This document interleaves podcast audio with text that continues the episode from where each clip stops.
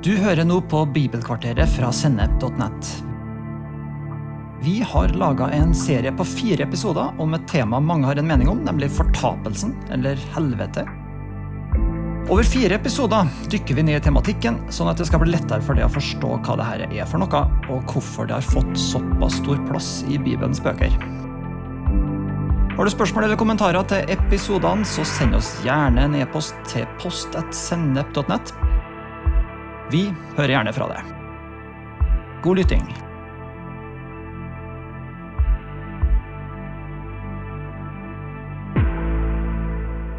Del tre Ilden.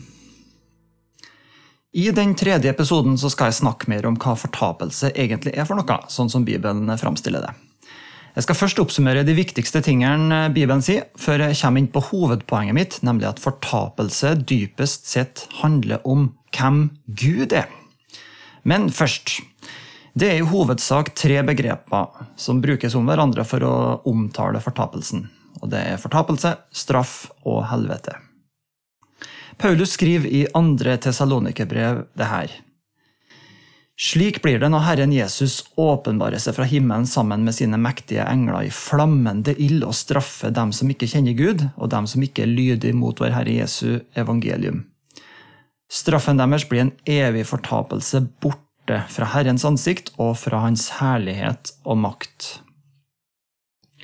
Og Hebreerbrevet kapittel 10 omtaler òg det samme. Der står det Forferdelig er det vi da har i vente. Dommen og Guds brennende iver skal fortære dem som står Han imot. Straffen hører med til, jeg skal gjengjelde. Og videre, Herren skal dømme sitt folk. Det er forferdelig å falle i hendene på den levende Gud, står det. Vi ser altså at fortapelse settes i sammenheng med når Jesus skal holde dom over verden. I Matteusevangeliet kapittel 25 så snakker Jesus om at menneskesønnen sitter på tronen, og at alle folkeslag samles foran han. Han kommer til å skille sauene fra geiteren fra hverandre. Sauer og geiter ser jo ganske like ut på avstand, men på nært hold så ser du at noen ting er annerledes. På samme måte er det ikke så stor forskjell på mennesker ytre sett, men Gud ser til hjertet og er i stand til å skille ut hvem som tilhører han, og hvem som i sitt hjerte har avvist han og det han vil med verden. I Johannes eh, kapittel 3 og vers 20 så står det Og det her er dommen. Lyset er kommet til verden, men menneskene elska mørket høyere enn lyset fordi gjerningene deres var onde. For den som gjør det onde, hater lyset og kommer ikke til lyset, for at hans gjerninger ikke skal bli avslørt. Jesus sier altså at Dommen handler om hvordan folk stiller seg til hvem han er. Han kommer til å skape en verden hvor lyset seier over mørket, hvor sannhet, ærlighet og rettferdighet overvinner løgn, urett og ondskap. Videre ser vi at fortapelsen i utgangspunktet er forberedt for djevelen og alle hans engler. I Johannes' åpenbaring kapittel 20 så skildres det hvordan djevelen og alle hans engler kastes i den evige ildsjøen. Når Gud skal dømme himmel og jord, er djevelen den første som skal dømmes. Hans opprør mot Gud og hvordan det har forplanta seg menneskeheten og verden sånn som vi kjenner den, det har forårsaka så mye smerte og elendighet at han fortjener å bli straffa for det her. Men det som egentlig er det store spørsmålet, er jo hvordan ting blir for de menneskene som går fortapt. Hva er det som ligger bak den dramatiske ordbruken og de sterke advarslene og de dystre scenarioene som Bibelen tegner. Bibelen bruker altså litt forskjellige metaforer for å beskrive fortapelse. Det brukes ord som ødeleggelse, mørke, ild, og det å trekke seg unna Gud brukes også. Allerede her så ser vi at dette er billedlige metaforer for fortapelse som en åndelig tilstand, snarere enn at de må tolkes materielt og fysisk. Mørke og ild er jo to fenomener som egentlig utelukker hverandre. Og her kommer vi egentlig til kjernen til det jeg har lyst til å si noe om, nemlig at fortapelse dypest sett handler om hvem Gud er.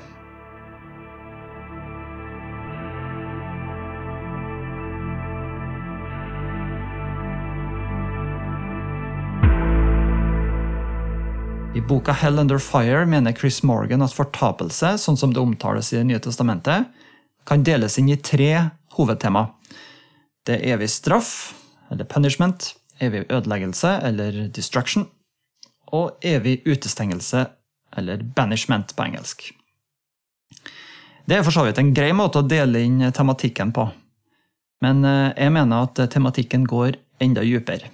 For fortapelse handler altså dypest sett om hvem Gud er. Og Det er to bibelvers som setter oss litt på sporet av dette. I 5. Mosebok 4 eh, og vers 24 så står det at Herren din Gud er en fortærende ild, en nidkjær Gud. Og Det samme dukker opp i Hebreerbrevet kapittel 12 og vers 29. Der står det For vår Gud er en fortærende ild. Guds ild er altså et gjennomgående tema i Bibelen. Og det beskrives som om det er en del av Guds vesen og hvem han er. Gud er en fortærende ild. Eller han er en 'consuming fire', som det uttales på engelsk. En altoppslukende ild, altså. For å repetere noen linjer i bibelhistorien.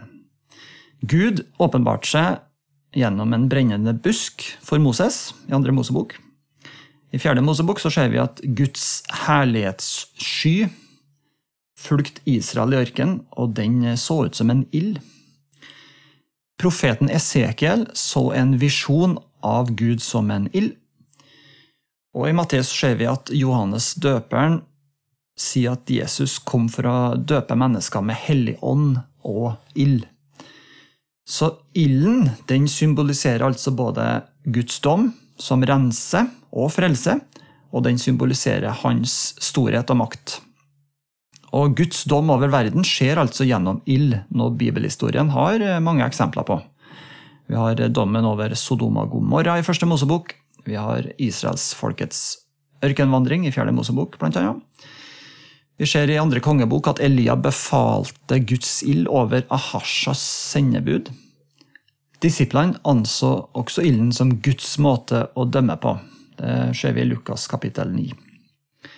I andre Peters brev kapittel 3 ser vi hvordan domshandlinga i den storflommen med Noah skjedde gjennom vann, men så sier Peter at den kommende dommen kommer til å skje ved ilden, hvor den eh, nyskapte himmel og jord fødes fram gjennom ilden. Og ilden den skal også prøve den enkeltes verk, hvordan det er. Det er Paulus som sier første Korinterbrev kapittel 3. Men Guds ild tjener også en annen funksjon. For på pinsedag ble disiplene fylt av Den hellige ånd. Og det å bli døpt i Den hellige ånd omtales også sammen med det å bli fylt av ild. Jesus sier for øvrig også i evangeliene at hvert menneske skal saltes med ild. Det sier han i Markus 9,49. Og i Lukas 12, vers 49, så sier han at ild er kommet for å kaste på jorda. Nå blir det fryktelig mange bibelvers og detaljer her, da, men det som jeg egentlig vil fram til, det er følgende. Guds ild setter alle mennesker i brann men den gjør det i to diametrale retninger. Den tenner alle Jesu etterfølgere i brann ved Den hellige ånds ild.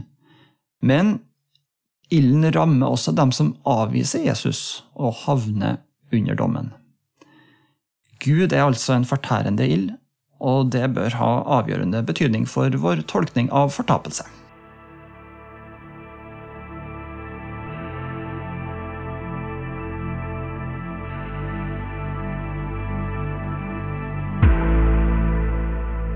Hvordan ser eh, egentlig verden ut til slutt, når eh, alt Gud har tenkt, er fullført? Et eh, svar på dette finner vi i 1. Korinterbrev kapittel 15, hvor Paulus sier følgende. Kristus er førstegrøden. Deretter, ved hans gjenkomst, følger dem som hører Jesus til. Så kommer slutten, når han overgir sin kongsmakt til Gud sin far, etter at han har tilintetgjort alle makter, myndigheter og krefter for han skal være konge helt til Gud har lagt alle fiender under hans føtter. Og den siste fienden som blir tilintetgjort, er døden. Men når alt er underlagt han, da skal Sønnen sjøl underordne seg Gud, som har lagt alt under ham, og Gud skal være alt i alle. Til slutt skal altså Gud være alt i alle. Og det Bibelen sier om fortapelsen, må altså passe inn i et sånt bilde. Men når det snakkes om fortapelsen iblant oss, så blir det mm, ofte brukt eh, bilder om at fortapelse det er å være uten Gud. En sånn begrepsbruk å si at uh, å være uten Gud eller uten forbindelse med Gud leder oss lett til å tenke at fortapelsen er et slags fravær av Gud, eller å slippe unna Gud, som en slags uh, separasjonisme. Og Jeg oppfatter at dette er en ganske vanlig måte å snakke om fortapelsen på i våre dager. I en meningsmåling i en kristen Facebook-gruppe fikk dette synet på fortapelsen flest stemmer av eh, deltakerne i den gruppa. Personlig stilles spørsmålstegn ved å skildre fortapelsen som å være uten Gud. Og Det er tre årsaker til det. For det første så sier Bibelen at eh, Gud skal være alt i alle, og at dommen er å falle i den levende Guds hender. Og det kolliderer jo med en forståelse av at fortapelse er å være borte fra Gud. Det andre argumentet er at det er rett og slett logisk umulig for en allmektig og en allestedsnærværende Gud å skape et sted eller en tilstand hvor han sjøl ikke kan finnes. Det tredje det er at det å snakke om fortapelse som et sted eller en tilstand borte fra Gud, blir egentlig i sin virkning eller i sin eh, konsekvens ganske så unnvikende til det svært dramatiske språket Det nye testamentet bruker om fortapelsen. I stedet må vi heller rette blikket tilbake på det jeg nettopp leste fra første Korinterbrev, nemlig at Gud vil ende opp med å være alt i alle. Gud er og vil være overalt. Ingen krok av Guds nyskapte verden vil mangle hans sterke nærvær. Eh, tyngden av eh, hans tilstedeværelse vil merkes av absolutt alle mennesker etter den store oppstandelsen fra de døde. Et sånt syn virker å ha et visst eh, rotfeste hos enkelte evangeliske teologer og forfattere. Et eksempel er R.C. Sproul, en eh, sentral reformert teolog som tror på Bibelen, han sier følgende Å være atskilt fra Gud i all evighet er ingen trussel for eh, grenseoverskridende mennesker. Det den ugudelige ønsker seg aller mest, er å være atskilt fra Gud. Problemet deres i helvete er ikke atskillelse fra Gud, men at Guds nærvær vil være en plage og en pine for dem. De vil lære han å kjenne som den altoppslukende ilden. Men et sånt syn på fortapelse finner vi aller klarest hos den ortodokse kirke, som er referert til i første episode. Det skal sitte her nå et utdrag fra en offisiell uttalelse til den ortodokse kirke i USA. De sier følgende For den som elsker Herren, vil Hans nærvær utgjøre den fullkomne glede, paradis og evig liv. Men for dem som hater Herren, vil det samme nærværet være den endelige pine, helvete og evig død. Virkeligheten, både for de frelste og for de fortapte, vil være den samme når Kristus kommer i sin herlighet sammen med alle sine engler, sånn at Gud kan være alt i alle. Wikipedia gjengir eh, den ortodokse læren om fortapelsen sånn her. Det står følgende. Enkelte ortodokse kirker tror at himmel og helvete er erfaringer av Guds nærvær i rettferd og kjærlighet. Det er umulig å tenke seg noe skapt sted hvor Gud er fullstendig fraværende. Heller ikke helvete som en metafysisk adskillelse fra Gud. Et uttrykk for Østkirkens lære er at helvete og himmel er to dimensjoner av Guds intensiverende nærvær, og at dette nærværet erfares enten som pine eller paradis, avhengig av den åndelige tilstanden til personen idet Gud kommer nær. Vi skal ta med oss et tredje sitat òg, eh, og det er fra den toneangivende gresk-ortodokse teologen Jon Romanides, som kommer med følgende spissformulering.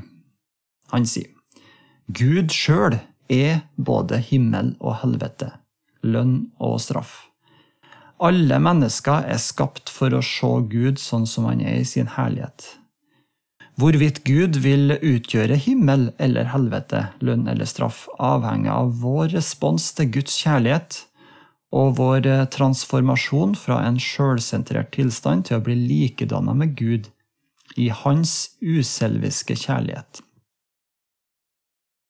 Dette er ganske ukjente perspektiver for oss i den vestlige delen av kirka. Mens i østlig kristendom, som også har lest og praktisert Guds ord i 2000 år, er det altså mer vanlig å tenke at himmel eller helvete er to dimensjoner ved at Guds nærvær fyller jorda. Dette er altså en tankegang som bryter veldig med den vestlige og folkelige oppfatninga av himmel og jord og helvete som tre nivåer, hvor Gud er i himmelen og er bort fra helvete.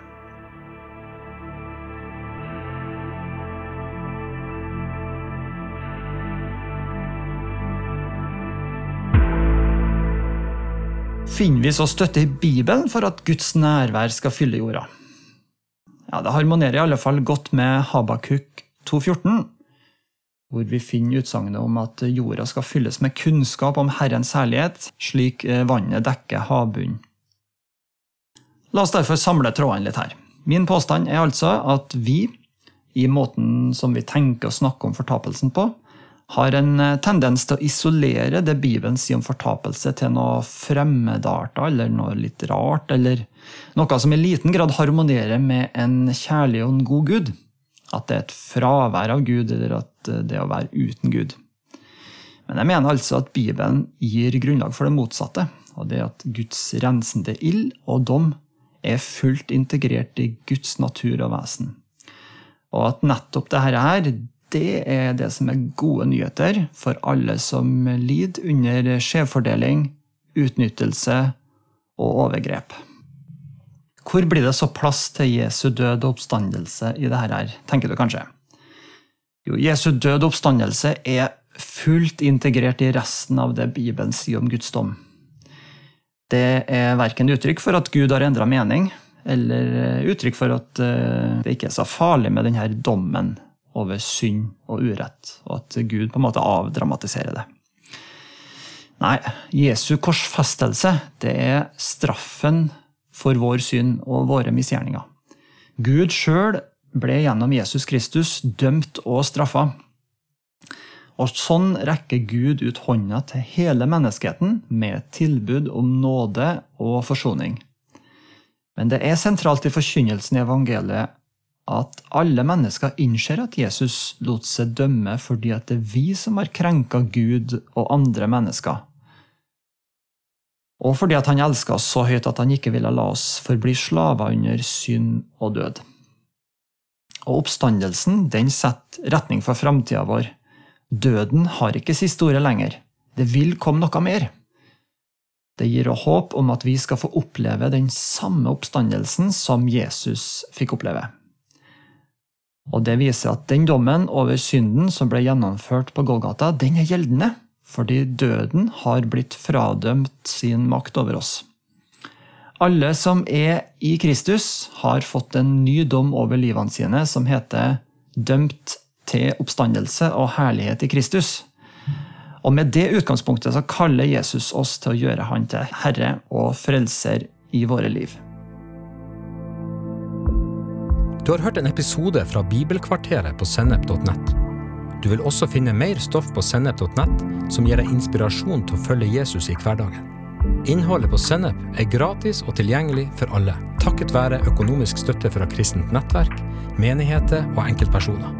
Du kan også hjelpe oss ved å be for oss at vi skal forkynne ordet med frimodighet. Ved å dele innholdet vårt med venner og bekjente. Ved å rate podkastene våre på iTunes eller i podkastappen som du bruker eller ved å gi en engangsgave på VIPS, VIPS nummer 54 66 68. Takk for at du lytter til sennep.nett.